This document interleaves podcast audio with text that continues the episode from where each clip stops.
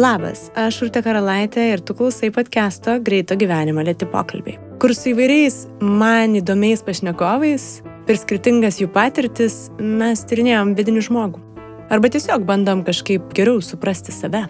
Šiandien kalbuosi su istoriku Tomu Vaisata. Dabar būtent tas valstybinių švenčių sezonas, kai iš tiesų visai daug galvoju apie laisvę, kas man tai yra, kas yra laisvas žmogus.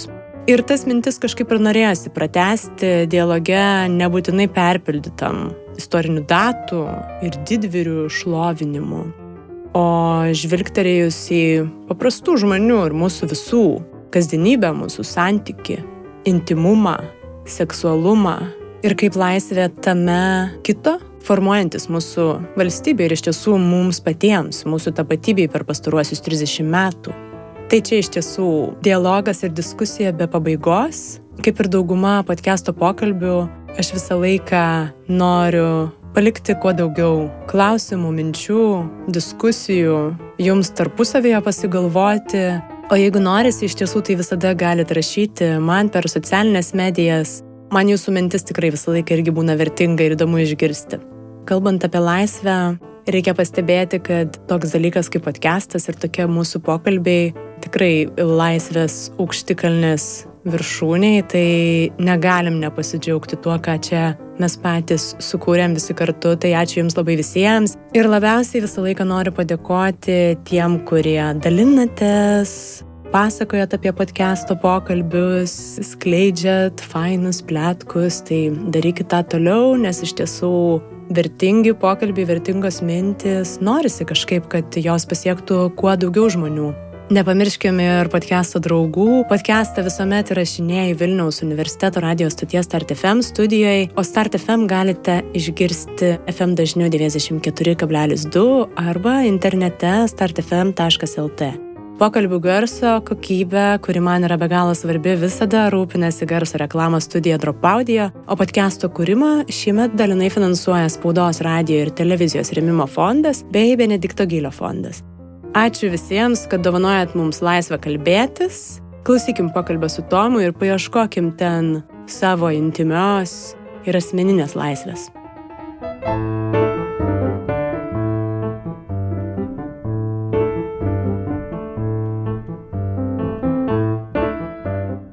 Tai galvojant bendrai, vad domintis tavo tyrinėjimo sritim, aš ten paskendau iš tiesų, man labai įdomu buvo. Istoriją visai kitai pamačiau kaip dalyką, čia norisi ir klausytojai tą atvesti, nes aš kaip ir minėjau, kviečiu tave į svečius va šitų valstybinių švenčių festivalio laikotarpyje, bet mane gal net ir nudžiugino tai, kad tavo santykis su istorija yra visai kitoks nuo mūsų iš tiesų įprastos datom ir didvyriais papuoštos istorijos. Man, kas labai įdomu, pasirodė, kad daug nepatogių temų yra tavo tyrinėjimuose. Čia galvojant ir apie tą bendrą gairę, kurią aš tarsi kuriu, kad mes šiandien kalbėsim apie laisvę įvairiomis formomis ir pjūviais. Ir tada galvojant, vad, tu Tomai istorikas esi ir laisvas žmogus, ir laisvas istorikas, turbūt tau niekas per daug neužduoda, kur link tu turi tyrinėti, kodėl būtent renkiesi tas nepatogias temas. Sveiki, turbūt. Tau nebereikia sveikintis, bet aš tai noriu gerai, pasveikinti. Gerai. Tai, laba diena visi, kas klausosi. Kai pradėjau tas klausytis, aš iškart galvoju, kiek čia tu gali sakyti, kad esi laisvas žmogus. Uh, ta pagalvoka, kad, nu, taip, aišku, kad formaliai ir visi mes laisvi, bet viduje tai tu kasdien turi kovoti su savim, kad būtum laisvas žmogus. Tai tą tikrai jaučiu turbūt kiekvieną dieną, kaip ir daugelis žmonių, ypač tie, kurie dirba gal humanitariniam, kultūriniam laukia, kuriems tai gal taip labai aktualu, kasdienis tas toks apmąstymas, ypač dėl to, kad humanitarinis tas meno ir kultūrinis laukas yra visą laiką ir darbas su savimi labai stiprus. Tai čia turbūt yra labai, kad turi nu, suprasti ir save, koks tavo santykis yra su to išorinė tikrovė. Dėl to aš taip sakyčiau, kad skaičiu, aš tikrai vat, laisvas žmogus, labai atsargiai tas daryčiau ir prisibijočiau tai pasakyti. Aš stengiuosi tokiu būti, bet tai yra labai sunkus dalykas, kur man mhm. pasirodė prasminga kalbėti 30-mečio, neapklausomos Lietuvos 30-mečio progą, kad tie mano istoriniai tyrinėjimai, aš jau dabar taip jau nebebijau taip jų apibendrinti ir sakyti, kad mane domina iš principo intimumas žmogaus intimumo įvairiausios formos. O intimumas, ypač va tokie kaip mūsų visuomenėje, toj posovietiniai visuomeniai, gali tai būti, čia aišku, labai toks apibendrintas pasakymas, toks gal kiekvienos ir tie žmogus, toj, kur dirba, bando tą sritį labai sureikšminti, gal dėl to nuskambės, bet gali tai būti, kad intimumas yra ta sfera, kur yra sunkiausiai pasiekiama tikra laisvė. Nors tai atrodo pats privačiausias jausmas, pati privačiausia gal žmogaus būklė, ar kaip tai pavadinti, bet kartu gali būti, kad tai yra toj pačiai privačiausia, toj, kuriai tarsi sunkiausia visiems pasiekti ją ir visuomenė, ir valstybė, ir režimui, ir institucijoms, kam tik tai nori, bet galbūt, kad tas intimumas yra vieta, kuri galbūt sunkiausiai pasiduoda tikrai laisvė. Gal šią prasme man prasminga kalbėti, kad ir šiandien vat, tokia proga, kur šiaip turėtų, aišku, ir bus kalbama, per kovo 11 bus daug kalbama apie politinę laisvę, aišku, ir visas kitas laisvės, kurios ateina.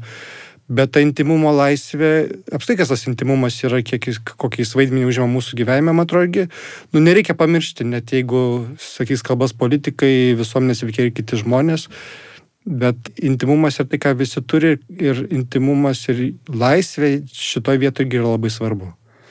Mhm, intimumo laisvė. Ar galėtum čia truputį išplėsti, nes manau, kad gali kilti klausimų, kas čia yra. Intimumas, tai aišku, tai per ką reiškia mūsų vidinis aš mokslininkai tai vadina dažniausiai subjektivumo klausimu, kaip reiškia aš, aišku, čia tapatybės klausimas, bet taip pat intimumas tai yra mūsų visos tos svarbiausios vidinio gyvenimo formos, kaip seksualumas, vidinis psichinis pasaulis, mūsų kažkokia tai vertybių sistema, turbūt, kuri nebejotinai egzistuoja, taip pat normų sistema, kurią mes kiekvienas ir priemame, ir transformuojame ir maištaujam prieš ją. Tai vad visas tas pasaulis, aš jį vadinu intimumo pasaulis, bet būtent tai, kad tai yra susijęs su seksualumu, psichika. Ir, sakyčiau, kartu daug kolegų turbūt ginčtus ir, ir kreipytų galvą, bet sakyčiau, turbūt ir tokiu kasdienis gyvenimas man siejasi su intimumu, tas, kas yra labai efemeriška, nepastebima, neužčiuopiama, nesureikšminama, bet tai, kur mes esame labiausiai savimi, tai toj kasdienybėje prabudus ryte ir neišėjus dar iš namų, net tiesą sakant ir miegant, čia aš kitą kasdienybę, bet va tos erdvės, kurios, kurios yra labiausiai apčiopiamas, bet kuri yra turbūt labiausiai išpilanti mūsų kasdienybę, bet mes čia linkę labiausiai nureikšminti. Tai kasdienybė priskaičiau prie intimumo erdvės. Ir tuomet laisvė, vat to, čia tam tikras apsinuoginimas, na, kalbant apie kasdienybę ir, ir seksualumą.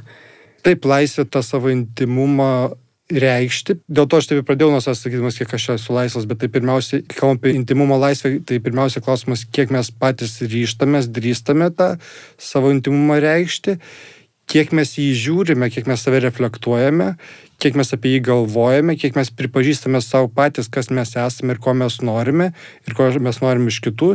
Ir tada jau, man atrodo, kaip antrailis klausimas yra, kiek kiti mums irgi leidžia tam intimumui reikštis ir ką jie daro su tuo intimumu ką mes kaip bendruomenė sustarėm, ką mes su intimumu kiekvienas žmogus darome, ką politikas su juo daro. Taip atsargiai sakau, bet sakyčiau, antrailiai yra klausimai. Vis dėlto pirmiausia, kaip mes patys elgiamės su savimi, su savo pačia pačia intimiausia sfera.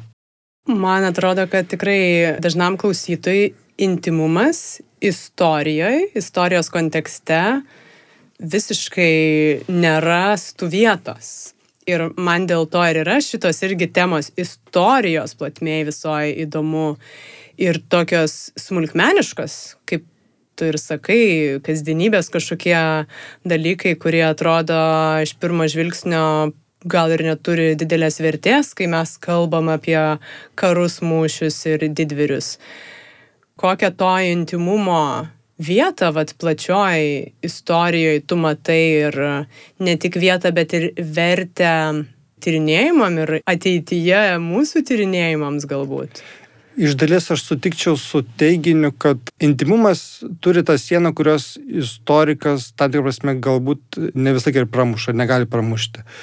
Man atrodo, kad net kai kalbam apie, apie pavyzdžiui, praeities pažinimą ir intimumo klausimus praeitie, net ir tada, atrodo, turbūt menas yra šitoj vietoje literatūra, bet ne tik literatūra ir dailė, sakykime, net ir muzika galbūt yra geresni ir vartojant išlaikinį nors išlikštų žodis, efektyvesni būdai pasiekti tą intimumą, suprast, kaip tam, pavyzdžiui, žmonės jautėsi, kai galvojo, ką jiems reiškia seksualumas, geismas, ką reiškia sirgti psichos lyga praeitie.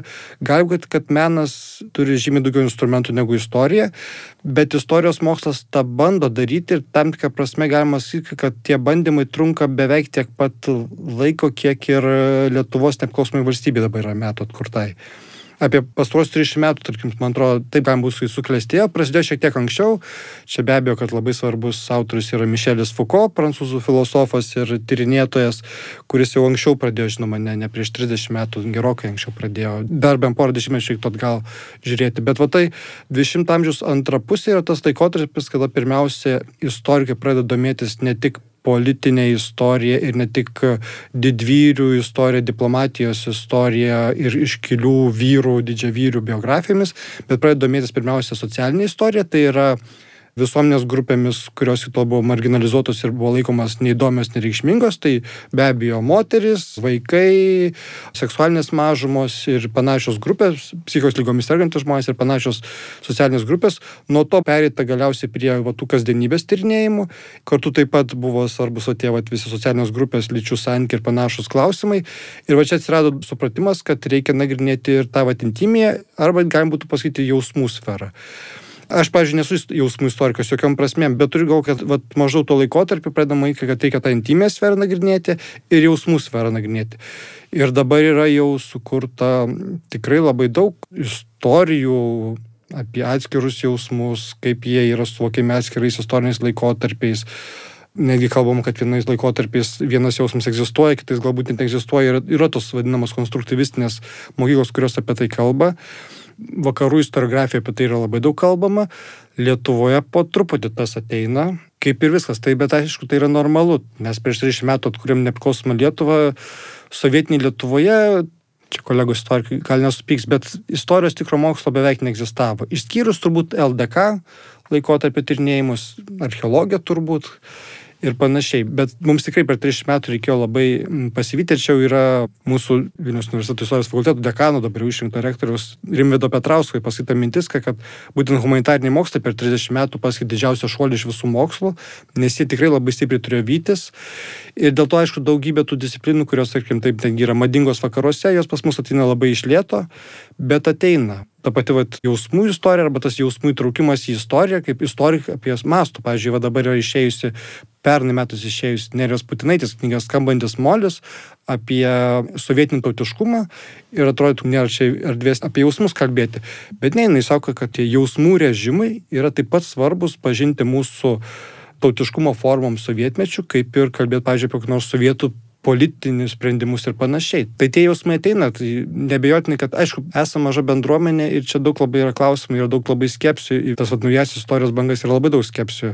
Ir aš turiu su daug skepsių, kodėl aš tyrinėjau psichiatriją ir kiti doktorantai, pavyzdžiui, kurie irgi dabar irgi bando imti psichiatrijos, irgi susiduria daug su kolegų skepsiu, kad ką čia tyrinėja, ar tai tikrai reikalinga.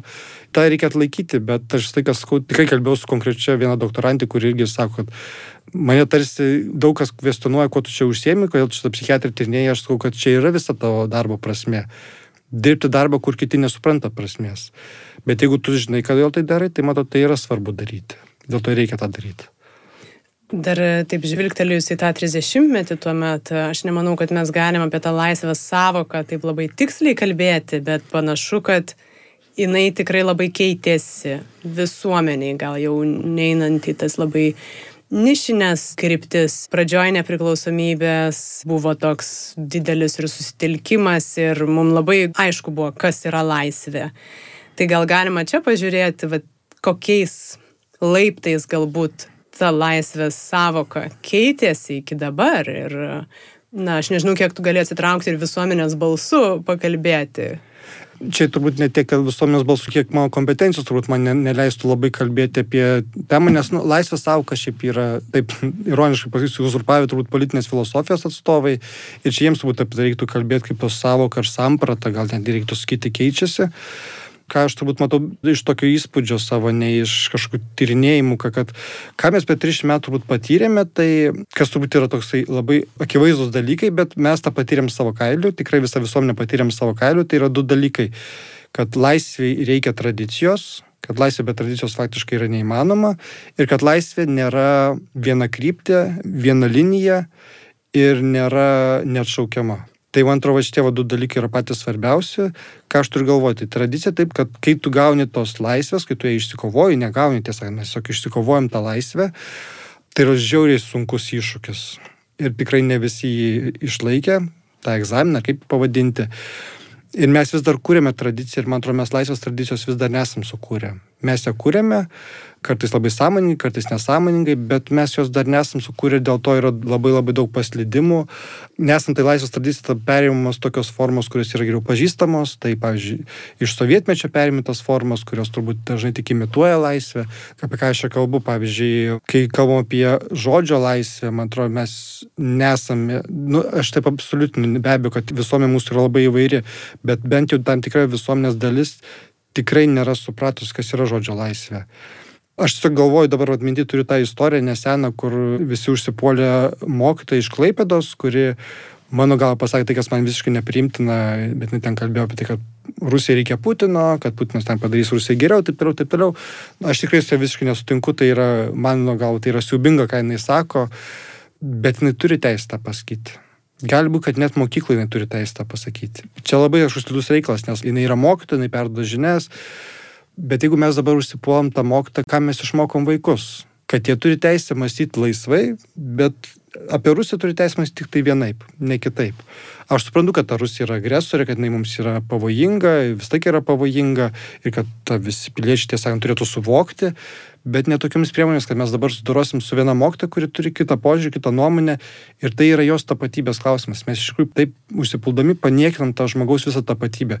Mes klausime, kodėl tokie žmonės yra pas mus, kodėl jie taip galvoja, diskutuokime, bet ne smerkim jų. Tai vat, čia matau, kad yra tas vat, laisvės tradicijos vis dar nebuvimas, kuris turbūt tai galbūt prie to prisideda, arba tai galbūt netgi nulėmė. O kad laisvė nėra savame suprantama, nėra net šaukiama ir nėra viena kryptė, tai tai rodo, aišku, du pagrindiniai dalykai. Čia aš jau galvoju labiausiai būtų apie politinius etapus, ir čia turbūt galima išskirti kažkaip istorinius tos, vat, kažkaip kaip istorikų bent etapus išskirti, nes istorikai tą mėgsta daryti. Tai aš pasakyčiau, kad pirmas etapas buvo 2003-2004 metai, kai buvo Pakso apkalta kada buvo toks pirmas toks stiprus smūgis, kai buvo aišku, kad išsikovojom tą laisvę, bet jinai tokia žiauriai trapi yra, tikrai labai labai trapi yra. Ir va čia, man atrodo, su tavo suvokimu augo, sakyčiau, mano karta augo, Mes buvom tada vat, pradėję, baigę, baiginio mokyklą, pradėję buvo mokslus, aukštai mokslas, universitetuose mokėmės ir ėjom tada į visokius tenai mitingus, protestavome, ten ir aš prisimenu labai gerai tos visas tvoras, kur vienoje pusėje stovi daugiausiai jauni žmonės ir, ir pasako, už pakso apkaltą, kitoj pusėje stovi suvesti autobusais vyresnio amžiaus žmonės ir reikia ant mūsų, kad mes esame narkomanai ir taip toliau, taip toliau. Aš tą labai gerai prisimenu, manau, kad tai buvo svarbus lūžis, o tavo politinės laisvės suvokimo prasme.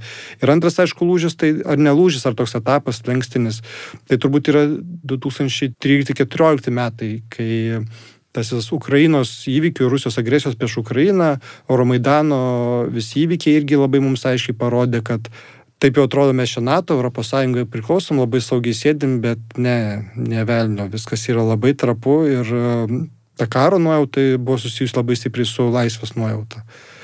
Tai aš turbūt taip bandyčiau atsakyti, nors tai turbūt neatsako į tą klausimą, bet, bet aš negaliu kalbėti apie laisvės sampratas kitaip.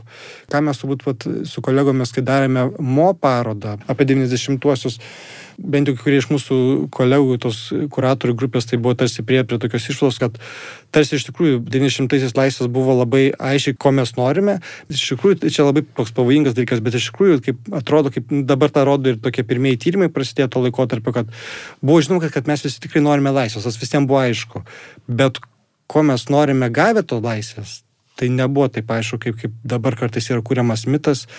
Pas mus fakultete viena studentė atlikinėjo tyrimą, rašė iš to magistro darbą. Jis bandė surasti, kokie sąidžio metais buvo kuriami ateities Lietuvos modelį politiniai, ko mes norim. Jai buvo labai sunku rasti konkretesnės medžiagos, kaip buvo kalbama, tai nes nebuvo kalbama. Visi kalbėjo, kad reikia nepriklausomos laisvos Lietuvos.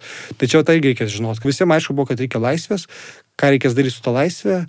Supratimas buvo žymiai, žymiai labiau išskydęs. Bet vis tiek turbūt galima sakyti, tai, kad tikrai tas laisvės pojūtis buvo žymiai stipresnis, negu galbūt netgi šiandien jis yra. Tokio grinai reglamentavimo prasme kad dabar viskas labiau yra suvaržyta, daugiau yra reglamentuojama, kontroliuojama normos, įstatymai, tvarkos, potvarkiai, po įstatyminiai aktai ir dar kas tik tai nori. Toks jausmas yra toks, nu, daug kas, man atrodo, lanko, ypač tie žmonės, kurie prisimena tos 90-osius metus, kad tikrai va to yra. Apie pradžią nepriklausomybės kalbį lyginant. Taip, lyginant, taip, aš neidealizuočiau to laikotarpio, kokie viskas leidžiama ir puikiausia tvarka įmanoma. Tiesą sakant, ne. Laisvė, kuri yra tik tai viską leidžiama, man atrodo, nėra geriausia laisvė. Laisvė yra ta, kuri yra geriausia ir ta, kuri eina kartu su atsakomybė. Nu, čia tokia banalybė, bet man atrodo, jinai daugumai nu, turėtų būti akivaizdi. Bet, at, pavyzdžiui, dabar tu matai, kad ta vat, išrinktoji paskutinė valdžia, kuri vis dar yra valdžioje, kai jinai atėjo į rinkimus ir gavo palaikymą, kalbėdama tai, kad bus vedami visokie draudimai, bus daugiau kontrolės ir panašiai, ir jinai laimėjo rinkimus. Ir dabar aš girdžiu, kad ir sveikatos ministras Veryga, girdamas, jis sako, kad, kad ten kokia nors, pavyzdžiui, alkoholio kontrolės priemonės pasiteisino ir kad jos davė netgi geresnius rezultatus, negu buvo tikimasi. Jeigu tai yra tiesa, o valdžios užsakyti tyrimai, net jeigu buvo atlikti tyrimai, niekada jais negali pasitikėti, tai vienas dalykas, bet jeigu tai yra tiesa ir jeigu tikrai tai paveikia mūsų elgesį neformaliai, o iš tikrųjų paveikia, aš nežinau, šitą žinia reiktų džiaugtis ar labiau liūdėti. Nes tai reikštų, kad mes iš tikrųjų elgiamės pagal draudimus, o ne pagal atsakomybę savo. Tai nežinau, ko čia reiktų girtis. Taip, nes mes tik išėjom iš vienų kažkokių taisyklių ir čia vat ir norisi grįžti tada gal jau prie žmogaus.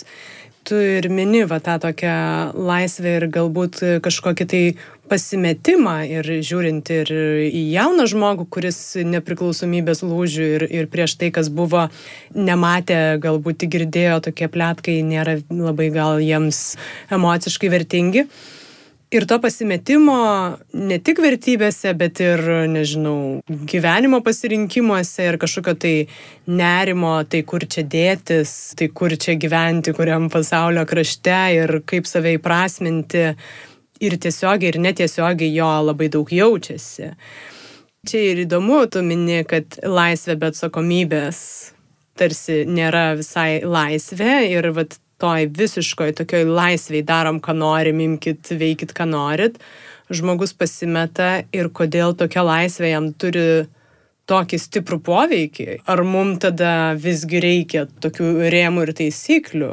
Aš labai abstrakčiai klausiu, nes tuos pavyzdžius, kur tu mini, valdžios draudimas, ribojimas įsigyti alkoholį ar dar kažką, mums padeda spręsti kažkokią problemą tarsi.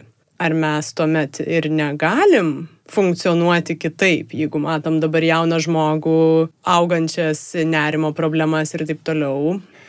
Nerimo problemos, ja, čia, čia labai sudėtingas yra klausimas ir panašu, kad jis vis dėlto yra susijęs ne su konkrečiai Lietuvos gyvenamąją erdvę, o turbūt su viso pasaulio erdvė yra, bent visas vakarų pasaulis tikrai patiria, bet panašu, kad ir kokia nors Kinija šio požiūrį turbūt vargu ar mažai skiriasi.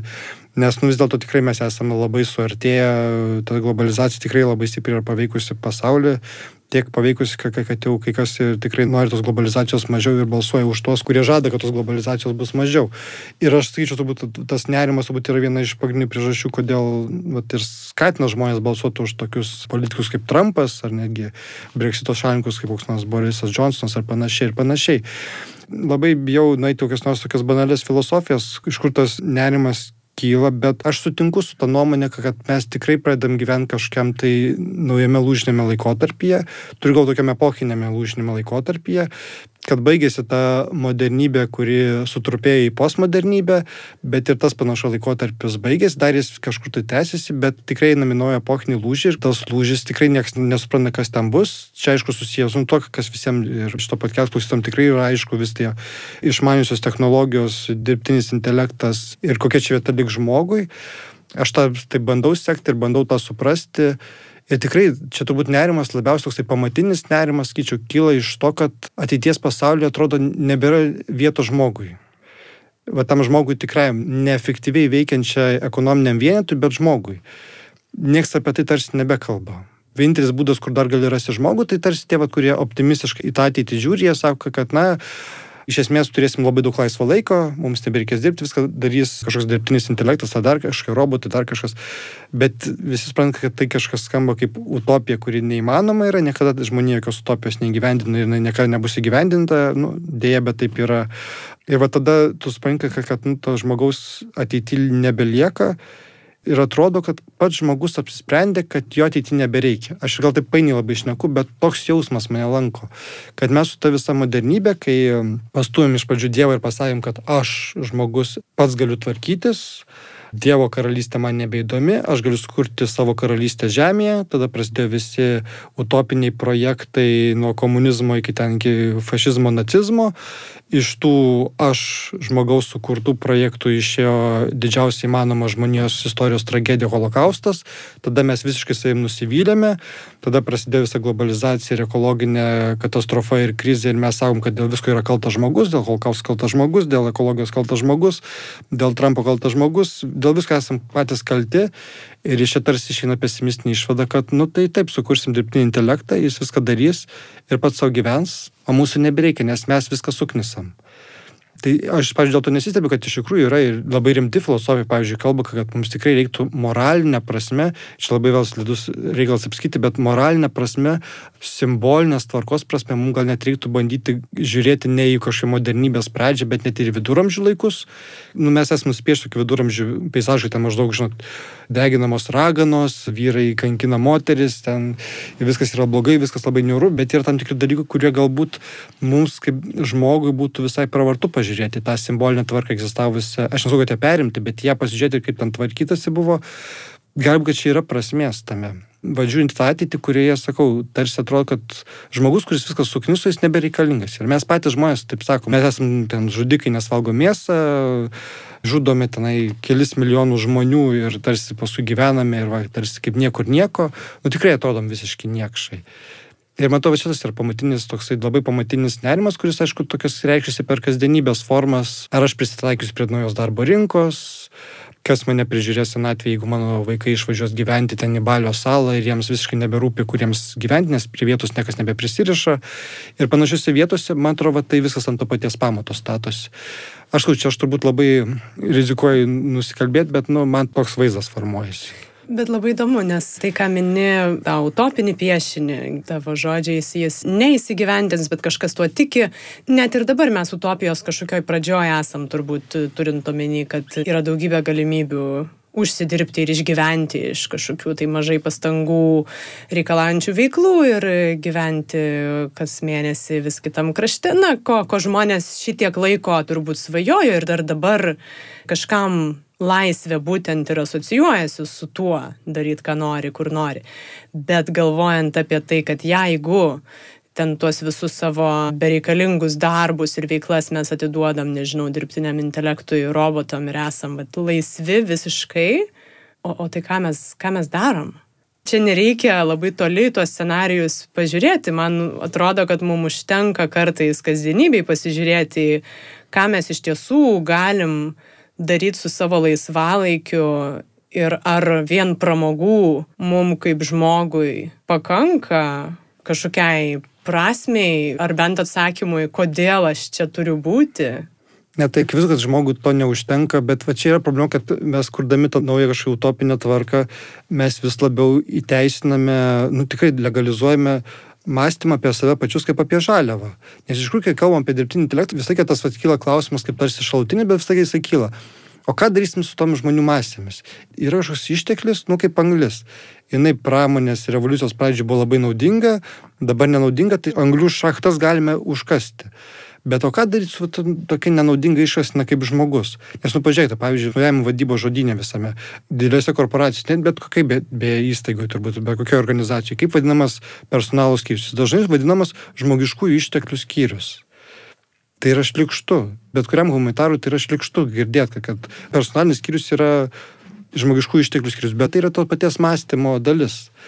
Ir į tą yra einama ir dėl to mes, aišku, čia kaip humanitarai susigalvoja savo apologetinį kažkokį tai kalbėjimą, bet dėl to humanitarai ir sako, čia ne mano idėja yra, bet kad humanitarika bus labai svarbi ateityje, nes humanitarika kalbės, kas yra žmogus. Ir tai, kad tu sakai, kad žmogus nėra tik tai, net nėra tik tai lais, kažkokia laisvalaikio forma leidimas ten Turkijos paplūdimyje ar ten Turkijos viešbutį su all included, gulėjimasi tai yra visas žmogus. Ne. Žmogui reikės ieškoti prasmės. Ir humanitarika atsako į klausimą, ir menas, kultūra atsako į klausimą, kokios tos prasmės yra. Faktas, kad pasikeis kažkokia mūsų gyvenimo formos ir reikės kažkas pasiūlyti tas prasmes, kodėl mes gyvenam. Tai nemanau, kad kas nors jau yra jas pasiūlęs, čia ateities kartos tą darys, bet faktas, kad vien dėl to visiems dabar uždirbančiams pinigus iš aukštųjų technologijų, išmanių technologijų ir kitų dalykų reiktų pagalvoti, kad vien dėl to išsaukim humanitariką, kad ateityje kažkas jums turės pasiūlyti, dėl ko jūs visą tai padarėte. Čia įdomu, kad atrodo, kad toks labai pažingsninis matymas, toks ir vieną pusę pažiūriu, čia kaip vieną kambarį sutvarkiau, nu po to žiūrėsiu, kas toliau. Aš truputį noriu grįžti prie alkoholizmo problemą, truputį palėtėm. Aš gyvenu netoli gerosios vilties, gal dėl to aš dažnai pagalvoju apie tai.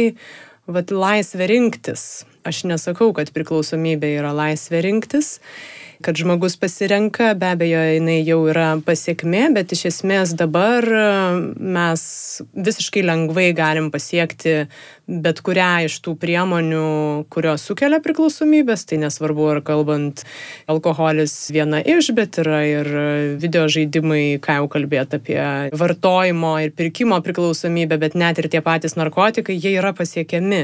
Man kažkaip, vad galvojant, mes labai čia klystam į tą tokią laisvės juodąją pusę, kur kokios yra žalos tos laisvės, bet čia irgi įdomu gal pažiūrėti, ką blogo ta laisvė gali padaryti, paduodama viską lengvai ant stalo. Tik kad čia susijęs su laisvė klausimas yra krikščioniškai mąstant, tai vis tiek pirmiausia, žmogus yra nuodėmingas. Nuodėmiai yra jame.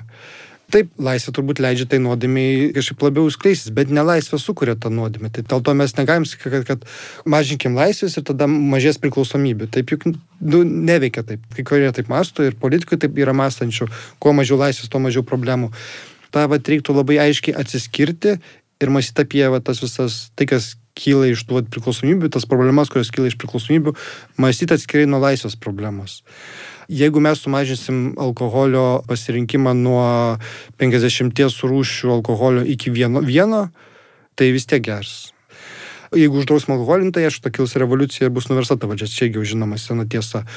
Bet visos priklausomybės jos nekyla iš laisvės priešingai, man atrodo, tik tai laisvė, čia vėl, čia ne, ne mano sfera, aš kalbu tik tai kaip šiaip kaip žmogus, kaip gyvenas, kaip ir tu ir kaip kiti gyvename kažką mastom ir galvojam. Tik laisvė galime išmokti su tom priklausomybėm kovoti, kontroliuoti savo nuodėmę. Neįmanoma tos nuodėmės veikti, visi mes nuodėmingi ir vis tiek mes padarom tos nuodėmės. Bet galim bent jau išmokti su jie gyventi ir bent jau padaryti taip, kad, kad su savo tą nuodėmę nekenkiam kitiems arba tą žalą minimalizuojam kiek įmanoma daugiau. Tai man atrodo, tą galim padaryti tik tai laisvai. Kuo daugiau duodam, kuo daugiau laisvės žmonėms, tuo labiau bus galima išmokti su tos priklausomybės kažkaip tai veikti, nes faktai rodo, kad priklausomybė labiausiai vystosi nelaisvose šalise, autoritarinėse ir tai, kas vadinama totalitarinės, nors aš skeptiškai žiūriu tą žodį totalitarinį, dabar jau po visų daug tyrinėjęs tokias visuomenės, man tas totalitarinė savoka tokia atrodo labai problemiška, bet autoritarinės visuomenės ten daugiausiai kyla tų, visų priklausomybių. Tai Sovietų sąjunga yra labai geras pavyzdys kova su alkoholizmu Sovietų sąjungai turėtų būti nu, visiems padėta ant stalo, parodyti, kaip nereikia daryti. O, o, o ką mes girdim kasdienybė, tai priešingai, tai vėl bandoma, va, tai pastaraisiais metais, neprisim, kur iš dabar metais buvo iškelta ta idėja, kad gal reiktų gražinti priverstinį gydymą nuo alkoholizmo. Tai labai nesunku yra, pasimkite archyvinius dokumentus, kuriuos esu pats skaitęs, kaip buvo daroma sovietmečiu ir ką tai lėmė. Nieko tai nepadėdavo. Absoliučiai nieko tai nepadėdavo. Tai, kad propaganda skaido, kad ten kažką dalį žmonių išgydo, gal kažkai mažą dalį ir padėdavo, bet labai mažai dalį. O kaip pasakoja patys gydytojai, vat, iš psichiatrinių ligoninių, tai vykdo paprastai tu nu ten užkyli kokiam nors ten pastatei trečią aukštą, ten tau duoda išgerti ant tų vaistų, nuo kurių tave vimdo, kai tu vartoji alkoholį jie išgeria tos vaistus, nusileidžia į apačią, pačioj sėdi hebrytė ant soliuko ir išgeria alkoholį ir geria toliau. Ir visa ta mitologija, ten, nu, ten gerai supykins tave, tai tu pripranti prie to. Tu vis tiek toliau girtauji. Tai va tas labai aiškiai provokas, tas priverstinis gydimas niekada nepadeda. Čia noriu visgi patikslinti, kad aš tai be abejo nesakau, kad darykim ten tas ribojimus griežčiausius, tai, tai, kad, kad tai išspręs, bet man tas svarstymas ir kyla iš to, tai kur tos išeitis tuo metu ir kad su ta laisvė mat, rinktis ir dirbti su savo nuodėmėm, valia, ar kažkaip samoningai suprasti, kas galų gale yra tas alkoholis, juk mes tarsi visi žinome, bet kad žmogus nemoka su laisvė galbūt gyventi. Bet tik laisvai mes galime diskutuoti, ką iš tikrųjų reikia daryti. Tik laisvai žmogus gali ugdyti savo gebėjimą ir atsakomybę, kontroliuoti pat save. Tik laisvai mes galime iš tikrųjų priimti efektyvius sprendimus. Ta prasme, tai yra tiesiogiai susiję. Dėl to vakarų demokratinės, liberalius demokratinės valstybės ir pasiekė aukščiausi, na, pyks dabar kokią nors namės antropologą, dar kas nors kokią nors kairuolį, bet tik dėl to tos valstybės ir pasiekė aukščiausią išsivystimo laipsnį, nes jos tai darė ne visiškos laisvės, kaip ir sakėm, visiška laisvė tai čia nėra laisvė tikroji, bet, bet tos laisvės sąlygomis visą tai yra pasiekta. Tai tą reikia suprasti, gal tai skamba kartais paradoksalu, kad mes čia atleidžiam žmogų rinktis ir tada jis aišku palaida bala bus. Ne, ta prasme, va čia yra visas žmogaus paradoksalumas, kad jis tik tai laisviai gali ugdyti savietą tą va, gyvenimą su nuodėme. Nu, čia yra įdomu, čia labai norėtųsi va, tuos pačius ministrus sukviesti ir, ir kartais tikrai atrodo, kad pločio mąstymo labai trūksta. Noriu jau peršokti truputį prie kūniškumo ir seksualumo. Labai įdomu, kaip tas buvo matoma, vyko sovietmečiu ir po to kito laikmečiuose. Tai dabar jau mes turime tarsi to laisvę tiek viešoje erdvėje iki kažkokios tai ribos. Ir tai nebėra mums kažkas tai svetimo ar su nelaisvė susijusio, bet man čia įdomu pagalvoti, kur yra ir ar yra to ribos. Kalbant ir apie Lietuvos istoriją, tai be abejo sovietmečių ir tavo tyrinėjimuose daug gražių pavyzdžių, kaip buvo tam tikras vakarietiško seksualumo troškulys ir moteris buvo tik tokio tipažo vaizduojamos, po to truputį keitėsi. Dabar jau mes viską turime, ką mes su tuo darome ir vat to kūniškumo ir seksualumo laisvė šiandien Vėl, aišku, čia labai sudingas klausimas, nes tas seksualumas na, turi daugybę elementų, daugybę turbūt krypčių, bet bent apibendrintai, kai kalbame apie Sovietų sąjungą, apie sovietinį laikotarpį, sovietinės okupacijos laikotarpį, pirmiausia, būtų reikia pasakyti, kad tas posakis, kad Sovietų sąjungoje sekso nebuvo, tai yra toksai, tokia mitologija, kuri tarsi visi supranta, kad tai nesąmonė, bet jie vis kažkaip vis kartoja. Ir tas va, tikrai, va, mus tyrinėjančius to seksualumo sovietmečių tikrai tas erzina, kad, nu, ta nesąmonė, supranta visi, kad tai yra taip, bet vis tiek jinai yra kartojama. Tai tikrai yra jokiom prasmėm, tai netinka, aišku, pirmiausia, to, kad nu, mūsų čia nebūtų, jeigu Sovietų sąjungos sekso nebūtų buvę. Bet net jeigu kalbam, pavyzdžiui, apie viešą erdvę ir kai tai, ką buvo galima sužinoti, ką buvo galima pamatyti, tai vėlgi sovietinis laikotarpis nėra vienalypis, tai reiktų įskaityti turbūt į stalicinio valdymo laikotarpį iki 53 metų, paskui imti vėlesnį laikotarpį, perestroika vėl kažkoks kitoks laikotarpis yra. Bet taip apibendrintai turbūt būtų galima sakyti, nu, paprastai, kad iki tikrai iki Stalino mirties ta erdvė Lietuvoje, okupuotojai tuo metu jau Lietuvoje seksualumo prasme viešoje erdvė buvo visiškai deseksualizuota, tikrai buvo labai mažai apie tai, nu, faktiškai buvo nekalbama, ten jeigu viena ar kita brošiūra buvo išleista, tai jinai buvo kalbėjo apie seksualumą tik tai, kad tai yra reikalinga reprodukcijai, dauginti tarybinius piliečius, bet tai buvo visiškai demonizuojama seksualumas kaip malonumo siekimas, netgi tas fizinis pasitenkinimas buvo laikomas kažkokiu šlikščiu, taip ir sakom, kad sieks fizinio pasitenkinimo kažkoks šlikštus užsiemimas. Vėlesnių laikotarpių iš tikrųjų įvairėja labai ta viešoji erdvė seksualumo požiūrį. Iš tikrųjų, aišku, visą laiką išliko dominavimas, kad apie tai kalbėjo daugiausia medicinos atstovai ir tai vis dėlto kalbėjo labiausiai kaip apie fiziologinį reiškinį, apie fiziologinį reiškinį, kuris yra svarbus reprodukcijai, nes sovietų valstybei tas labiausiai rūpėjo, kad tų piliečių daugėtų, nors iš tikrųjų čia buvo susidurtas, vėlyvoji sovietmečiai ypač buvo susidurtas su rimtomis problemomis, nes piliečių mažėjo. Paskui pradėta buvo šnekėti apie tai, kad jau seksualumas ir seksualinis santykiai tampa tarsi jau vėlyvoji sovietmečių tampa lyg ir svarbus palaikyti gerus santykius šeimoje, bet būtent žinoma šeimoje ir kad kaip tiesiog, kad jie yra reikalingi, kad šeima išliktų. Bet apie va, tą individo seksualinį pasitenkinimą ir malonumo siekimą faktiškai niekada nebuvo šnekėta, o tą va svarbu pasakyti. Apie seksualumą buvo šnekama, bet apie seksualumą kaip malonumą individuo pasiekiama ypač moters be abejo. Tai buvo faktiškai buvo tabu. Iš čia kilo labai rimtos problemos ir, pavyzdžiui, kalbant apie moteris, tai Lietuvoje tyrimai nėra atlikta, bet Latvijos duomenys, kurie turbūt Latvija šiek tiek skiriasi seksualinės elgsenos prasme nuo Lietuvos, bet vis tiek Latvijos duomenys, Ukrainos duomenys rodo, kad maždaug nuo 60 iki 80 procentų moterų nepatirdavo seksualinio pastenkinimo. Tai yra milžiniški skaičiai, ta prasme, iš esmės du trečdalį moterų, joms seksualiniai santykiai nereiškia malonumo. Tai buvo tiesiog reprodukcija.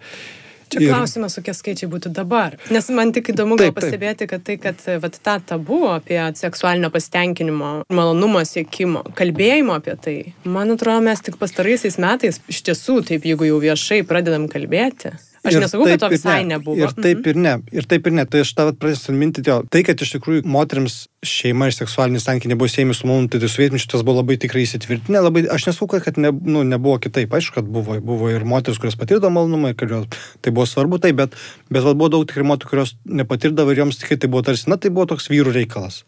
Mano reikalas yra kad turėčiau ten du vaikus.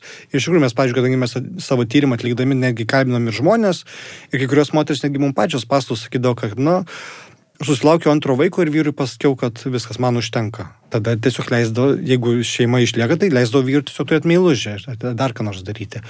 O dabar kalbant apie tai, kada tas atsiranda moters malonumo klausimas iškyla, tai čia tokia sociologija Aušra Maslauskaitė yra tyrinėjusi ir mes patys, kiek iš savo tyrinėjimų tą irgi matom, kad po 90-ųjų metų seksualumo tie diskursai išsproksta iš tikrųjų, bet pirmiausia, aišku, išsproksta vizualioji visa kultūra, seksualumo kultūra, jos tikrai labai daug įtampa nuo pat pirmų metų, ten kai kas grėbėsi už galvos, galvo, ką čia daryti, ten prie savivaldybių miestus steigiamos etikos komisijos, kurios ten turi kontroliuoti ten tą visą striptizo klubus, visokius ten nuomos punktus, ten leidžiamų žurnalistų ir taip toliau, taip toliau. Bet kalbėjimas apie seksualumą kaip apie malonumą individu iš tikrųjų pradeda ryškėti nuo 10-mečio maždaug vidurio. 94-95 metai, kada iš tikrųjų pradedama kalbėti, kad seksualumas yra svarbus ne tik reprodukcijai, ne tik žmonių tarpusavio santykiams, bet ir tiesiog malonumui pasiekti, kuris yra savaime yra vertingas ir svarbus. Ir va tada maždaug nuo 95-94 metų pradedama apie tai išnekėti ir apie moterų malonumą pasiekimą irgi pradedama apie tai išnekėti. Tai va ta turbūt yra tokia riba, kai spaudoje ir negi televizijos laidose, radio laidose, nu, gal radio mažiau, bet spaudoje pirmiausia pradedama kalbėti, pavyzdžiui, apie seksualinės visokias technikas, kaip pasiekti kūno malonumus, kaip ten kūną prižiūrėti, kur ten liesti, ką ten maigyti, taip toliau, taip toliau. Tai va sakyčiau, tuo metu prasideda tas lūžis kai mes dabar į savo dabartinės kasdienybės, ko dabar pilnas yra pirmiausia internetas, tai taip iš tikrųjų gali atrodyti, kad ten yra dar labai nikuma ir visko dar labai mažai.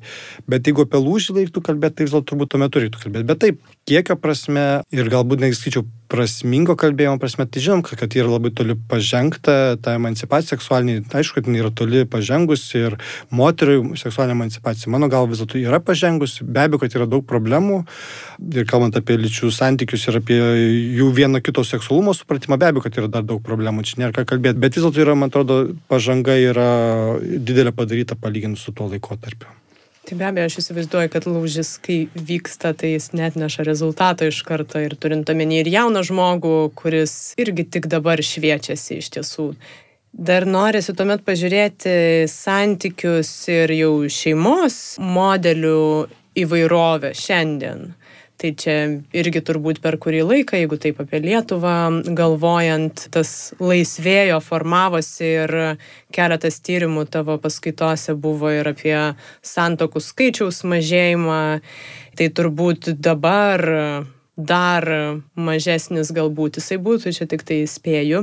Ir galvojant be abejo apie tradicinę šeimą sovietmečių, kaip tokie kraštutinumai lyginant vat, šiandieną ir vėlyvąjį galbūt sovietmetį, kokias pasiekmes visuomeniai ir jos kažkokiam tai ir tvarumui, ir um, solidarumui atneša, kai iš tiesų tas bendruomeniškumas ir šeimos kaip bendruomenės institutas jau jis nebėra tokia norma. Žinot, čia kaip, kai, kai keičiasi tvarkos, to tvarka šia prasme irgi tikrai keičiasi ir Lietuvoje, šia prasme tvarka keičiasi, nu, tur galvoju, kokiuose formose santykius su kitais žmonėmis mes gyvename. Tai faktas, kad mes laiką, tie, kurie būname įpratę gyventi vienoje tvarkoje, mums laiką kelia siauba kaip randasi naujos tvarkos, prie kurių mes esame pripratę ir mums atrodo, kad jos naikina ankstesnės tvarkas, tai mes tą vadiname, tai yra krizė, kad čia katastrofa toj prasidės, taip toliau, taip toliau. Bet iš tikrųjų nu, žmogus yra kaip virusas, jisai labai, jis labai adaptyvus yra.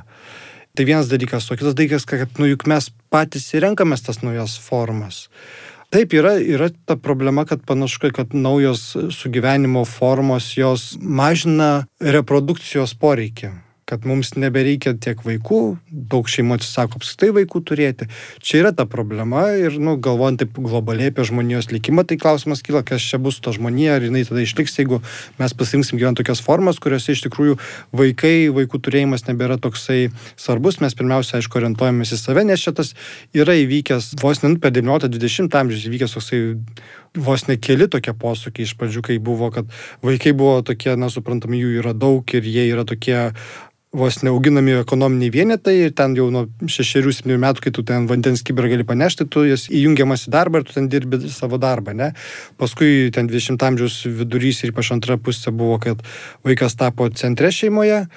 Bet iš to vaiko, kuris augo šeimos centre ir tėvai sukosi aplink jį, kaip planetos aplink Saulę, išaugo karta, kuris sako, gal čia tų vaikų iš vis nebereikia, ką mums šitas centras, nes, nu, aš buvau ta saulė, ką man ta nauja saulė, tai čia to yra ir galima čia bambėti, burbėti, kai galvoju apie Lietuvą, tai tikrai atrodo rimta egzistencinė problema mums yra, kad ta Lietuva mažėja ir kažką reikia su to daryti, bet, bet jeigu žiūri žmogaus perspektyvos, tai tiesiog randasi naujos formos. Jos visą laiką rasdavosi. Istorikas, ta prasme, visą laiką yra ir pesimistas, bet ir toksai cinikas, nes jis sako, nu, žiūrėkit, sugyvenimo formos visą laiką keitėsi, mūsų sampratos visą laiką keitėsi, tai kažkaip buvo, kažkaip ir toliau bus.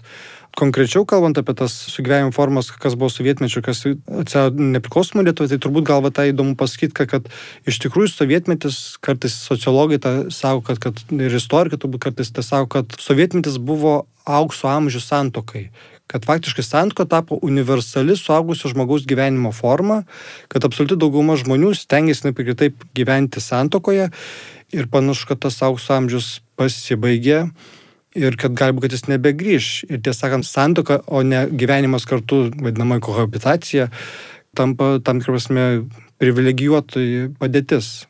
Nes tai gali, santokai gali gyventi pakankamai išsilavinimą turintys žmonės, pakankamai uždirbantis žmonės, nes tai yra, ypač šitame pasaulyje, yra tapę pakankamai sunkiu darbu kuriam reikia pajamų ir tam tikro moralinio stikimo ir tam tikro supratimo apie kitą žmogų, nes mes jau esame kitokie, vyras nebegali būti tokios sofos patriarcho, kuris įgulė ant sofos, nes moteris jau yra visai kitokios, jos nebeprimstų vyrų. Aš, aišku, kalbu dabar tokias, jeigu kalbam apie Lietuvą, tai čia turbūt apie kalbu apie miesto tokias salelės, aišku, likus Lietuva šiek tiek kitaip gyvena, bet Tai kalbam apie, apie tokias, na, jau tos labiausiai besimodernizavusios grupės visuomenės. Tai tikrai gyvenimas santuokai yra sunkus darbas, kuris ne visiems yra pakeliamas įvairiomis prasmėmis. Nes ir sociologai pamatė, kai nuo 90-ųjų metų, nuo nepriklausomybės atkūrimo laikotarpio, tų santuokų skaičius pradėjo labai kristi, o nesantokinių vaikų skaičius pradėjo labai stipriai aukti, tai buvo pastebėta, kad pirmiausia, tų santuokų skaičius krenta sunkiau gyvenančiuose regionuose, kas parodo, kad tai vis dėlto yra susitiesiogiai su ekonominė padėtimi.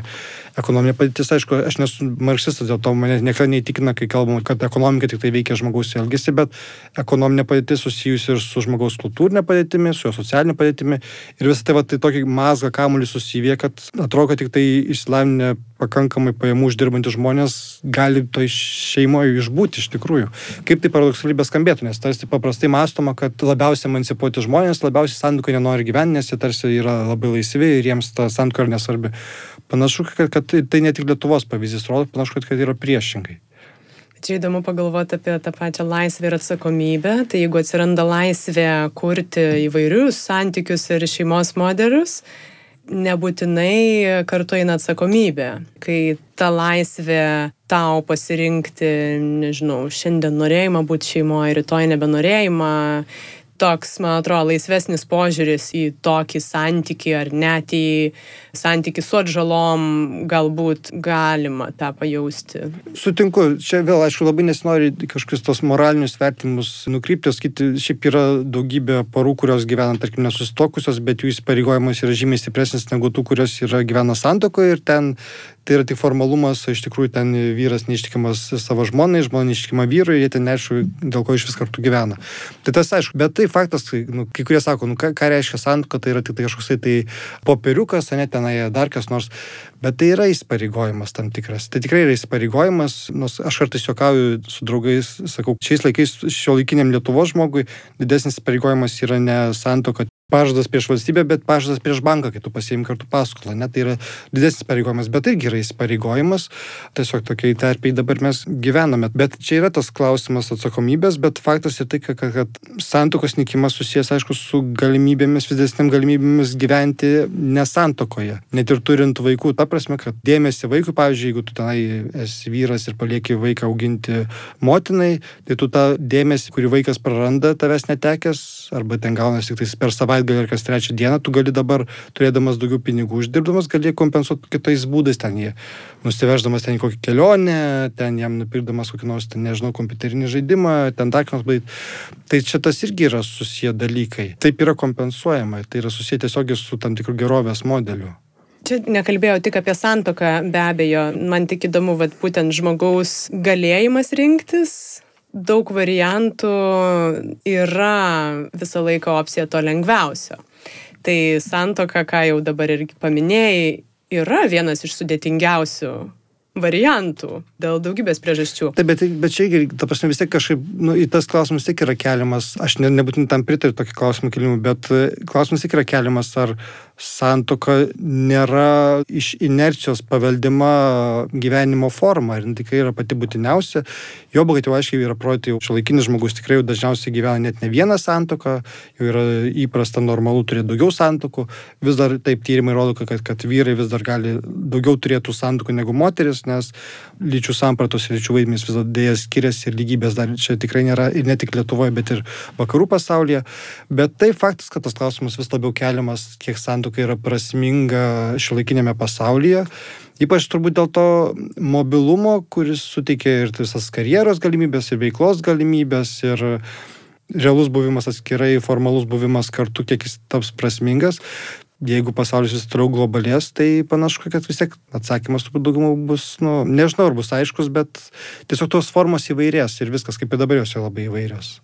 Dar tuomet į lyčių vaidmenis norisi pažiūrėti, kadangi mes jau pabėgom nuo konkrečios ideologijos ir kažkokių tai labiau apibrieštų tų vaidmenų, kaip jie veikia dabar mes matom ir tos lygybės gal visiškos gal nėra, bet diskusija ir žingsniai link ten vyksta. Ar iš viso reikia formuoti kažkokius lyčių vaidmenis?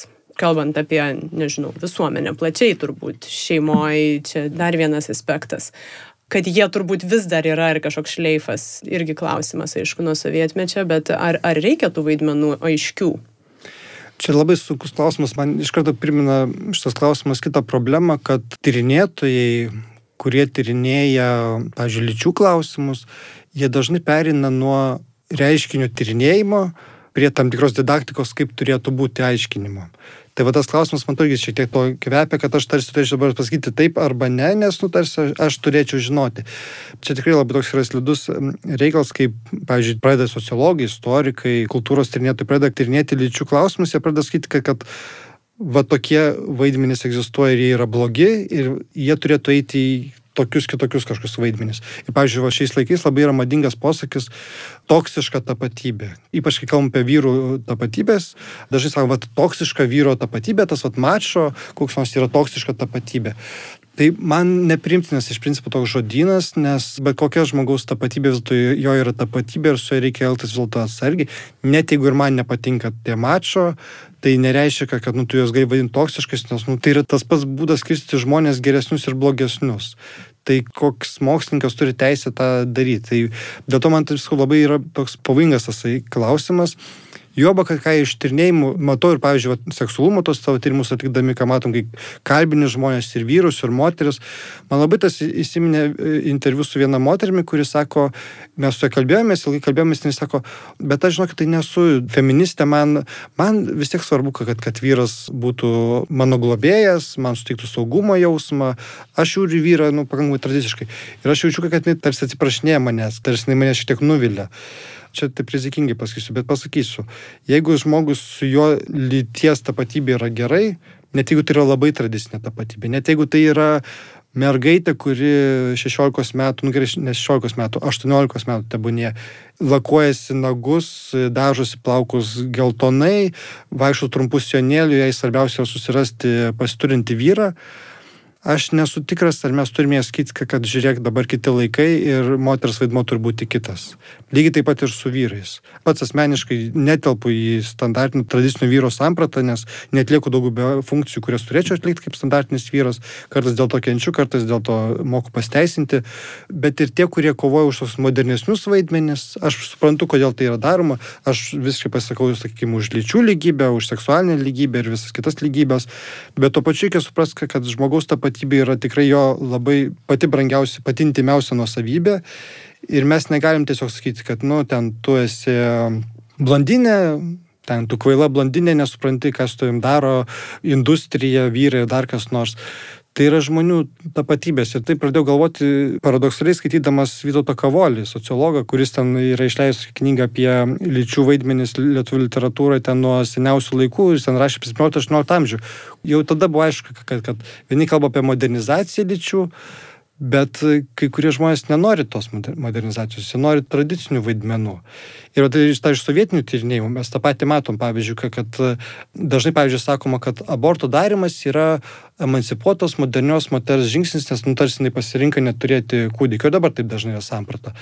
Bet kodėl jos daro tos abortus? Ir kai atkalbis to moterimis, kartais paaiškėja, kad jos daro dėl to, kad jos, pavyzdžiui, nusivylusios yra savo vyru, nes jis neišpildo tradicinio vaidmens. Jinai nesijaučia su juo saugi, dėl to jinai nenori su juo turėti vaikų. Lygiai taip pat skirybos. Kai moteris skiriasi, atrodo irgi, va, moteris emancipuota, savarankiška, nepriklausoma, bet kodėl jos skiriasi? Jos nusivylė vyrais, nes jie nebetlieka tradicinių vaidmenų. Tai yra viena prie, svarbiausių priežasčių, kai kalbame, pavyzdžiui, apie sovietmetį. Man atrodo, ir dabar taip būtų. Aš taip nu, labai toli einu prie to, kad lyčių vaidmenys egzistuoja, mes tikrai turime viską daryti, kad, ekonominė, socialinė, kultūrinė lygybė egzistuotų, tai yra mūsų tikrai visų prievalė, bet neignoruokime faktų, kad žmonių tapatybės yra įvairios ir tos, kurios yra tradicinės tapatybės, jos lygiai taip pat turi teisę egzistuoti ir nėra, negali būti jokios prievartos sakyti, kad, kad nu, jūs mergos durnos, nes jūs ten neišsilavinusios ir priklausot nuo vyro, jūs vyrai durni, ten dėdai esate durni, nes jums svarbiausia turėti prabangų automobilių, užsidirbti pinigų ir turėti moterį, kuri gaminsiu maistą. Jeigu tie du žmonės susitarė tarpusavyje ir jiems abiem yra gerai, tai nėra fizinio smurto dar ko nors, tai ar čia mes, kokie nors sociologai, istorikai, dar kas nors turim teisę aiškinti, kokios tos tapatybės turi būti, ar neturi būti tapatybių lyčių. Tai čia apie tą laisvę vėl viską apjungiant, rinkti savo ir kurti tapatybę. Man norisi truputį pažiūrėti į tavo kaip vyro tapatybės augimas ir brendimas būtent ir vyko Lietuvoje, ar ne, tuo metu, kai kito tie vaidmenys smarkiai ir gal susidūrėjai su kažkokiam dviejonėm ar kažkokiais vidiniais konfliktais, va irgi šitų vaidmenų kisme. Be abejo, kas, tai nuolat susiduria. Visi posovietiniai vyrai nuolat su tos, moteris turi su savom problemom, vyrai su savom problemom, tapatybės problemos yra vis laiką tai, kas mus, mes kasdieną nu, save kvestionuojam, kiek tu čia esi, kokius tu vaidmenis pildai, atlieki ir kaip tu jas išpildai ir kiek tu ten kitų lūkesčius atitinki, nes juk vaidmuo yra kitų lūkesčiai, ne, ne kas nors kita. Tai be abejo, kad na, jeigu tu esi, koks, pavyzdžiui, aš buvau tenai toks švelnus, mažas berniukas, kuris e, linkęs skaityti knygas, yra kompleksuotas ir jo, tai tu visą laiką turi savęs klausti ir bandyti kažkaip išsikovoti teisę būti savimi. Tai man, pavyzdžiui, mokyklai, tiesą sakant, aš dabar, kai kalbuosiu su kolegomis ir perinu į tokį amžių, kai vis daugiau noris susidarinti atsiminimais, visi kalba apie savo mokyklų patirtis, ten iš 90-ųjų laikotarpio būtent.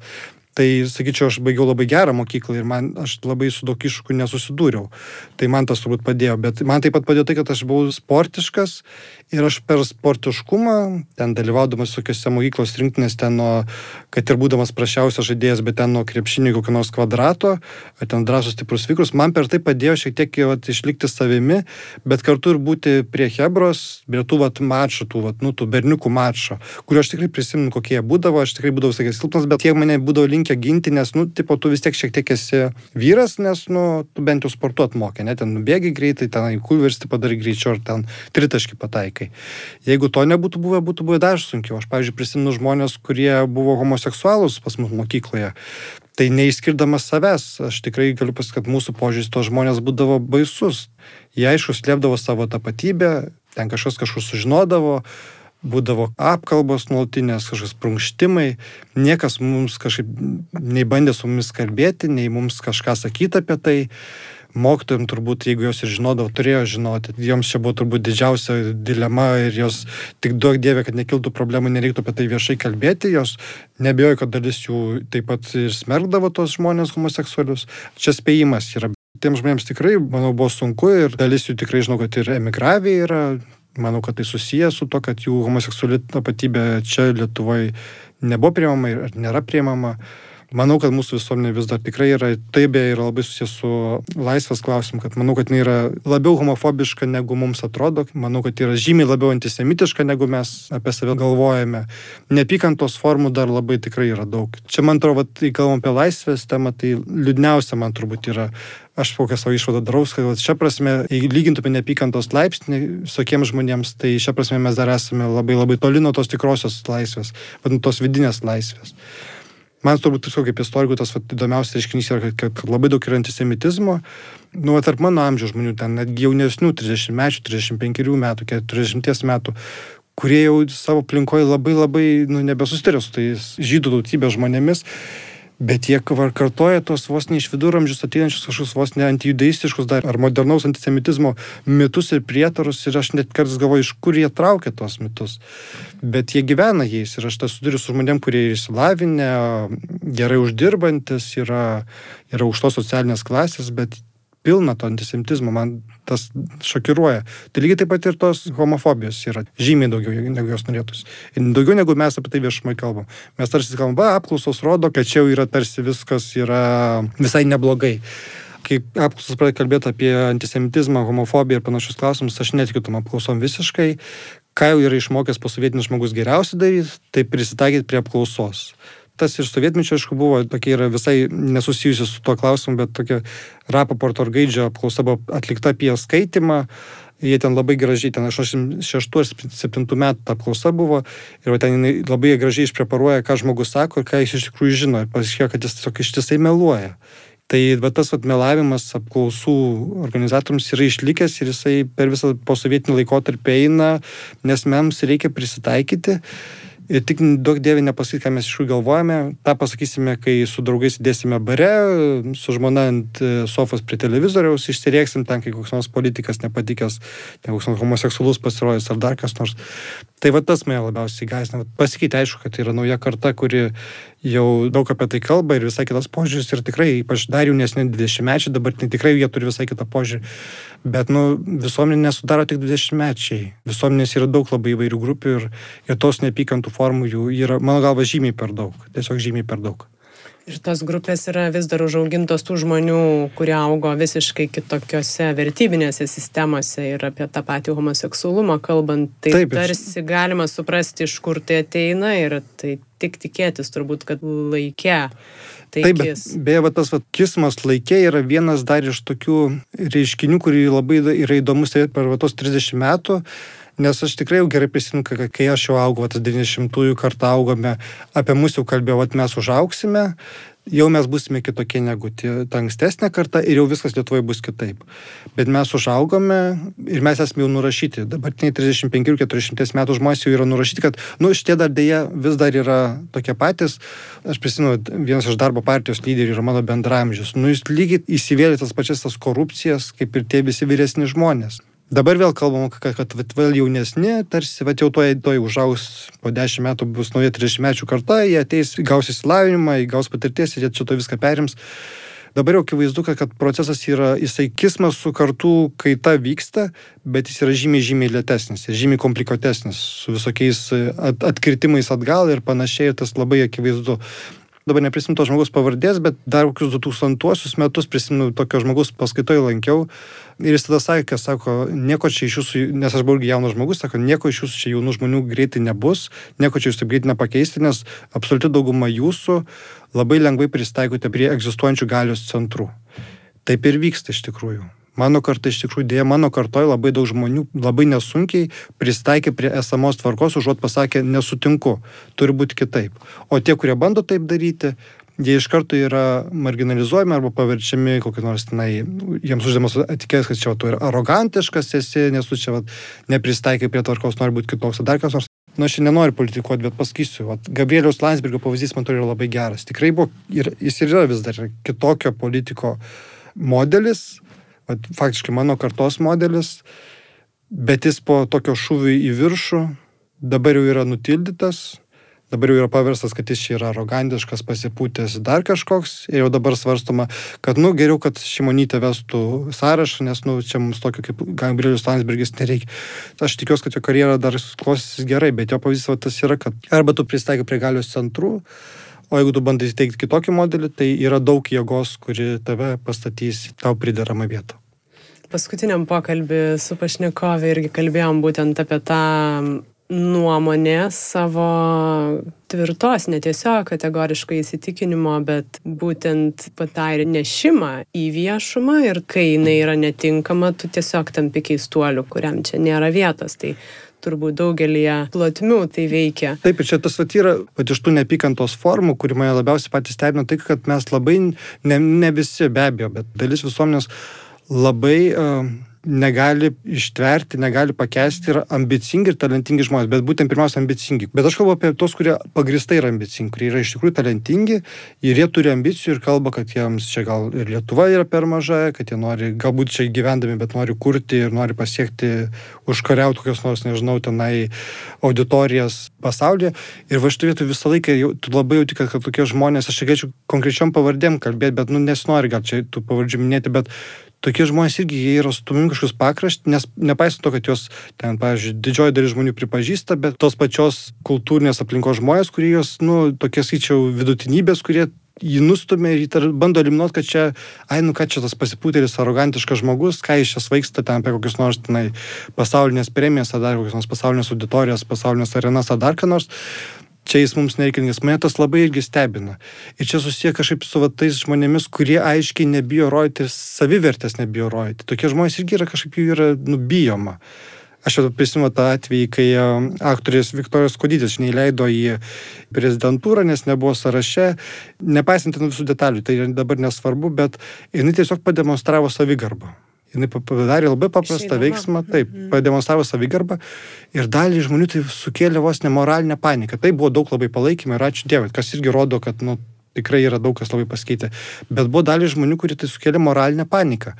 Jiems tai buvo toks, nu, maždaug, kodėl tu drįsti kažkaip tai laužyti kažkokios normas, nes norma yra, žmogus neturi rodyti savigarbos tikrai visuomenė pasidalino dvi dalis, tai tai labai tas jau yra neblogai. Bet tas at mane kelia klausimą, kodėl dalį žmonių tai kelia moralinę paniką. Kodėl taip yra, aš nežinau, bet taip yra.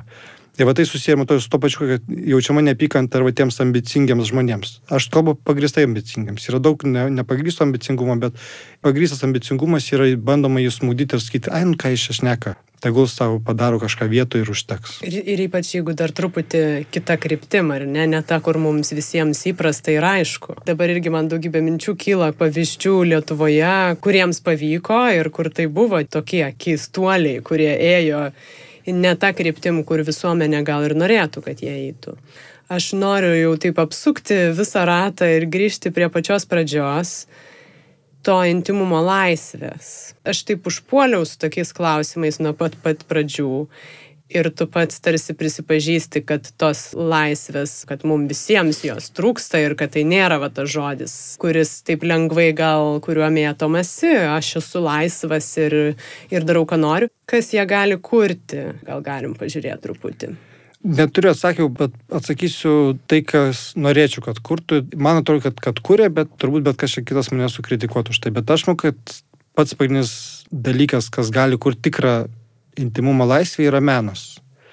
Menas yra tas būdas, per kurį žmogus iš tikrųjų gali geriausiai pažinti save, gali suvokti savo komplikuotumą ir suvokia, kad tai yra vertingas, tas vidinis tas gyvenimas yra vertingas per gerą literatūrą, per gerą dailę, per gerą šiuolaikinį visą meną, performance, happeningai, tarpdisciplininiai menai, kas taip būtų per muziką, per fotografiją, per kiną be abejo. Per visus menus nieks kitas taip negali prieartėti ir mums parodyti, koks tas intimus pasaulis yra, koks jis gali būti ir koks jis yra mums svarbus. Aš tai kažkaip tikiu, va, tą meno galė, čia toks romantizmas, aišku, bet arba menas, arba, nu, kas dar. Čia aš turėčiau gal sakyti, kad mokslas, humanitarika, taip, aišku, bet, nu, atleisk humanitarai, bet šią prasme mes esame tokie ramšiai, kurie paremėm meną pirmiausia, ne? Tomai, ačiū labai už plačius pasvarstymus. Aš galvoju, kad ir noris palinkėti to intimumo laisvės ieškojimo ir, ir kiekvienoje situacijoje persvarstymo laisvę, nelaisvę, kad galim rinktis. Ačiū. Ačiū Tom.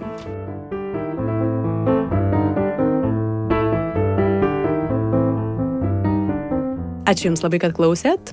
Man užstrigo pokalbėje iškilusios dviejonės apie žodžio laisvę, tapatybės laisvę, su kuo mes iš tiesų beveik kiekvienam žingsnį galim susidurti. Iš to kilo diskusijos Ir ne visada būna aiški sava pozicija, kas nėra būtinai patogu, nes jautiesi silpnas ir atrodo, o, neturi savo nuomonės. Bet man atrodo, kad laisvė tai ir kūrė, leidžia tau pačiam formuoti savo poziciją. Tai tikrai nėra lengva, kartais norėtųsi greitesnio rezultato, jau dabar žinoti, ką manai apie vieną ar kitą klausimą. Bet man atrodo, tas vat, formavimasis, atradimas savo pozicijų, keitimas jų yra ne tik be galo vertinga, bet žiauriai įdomu.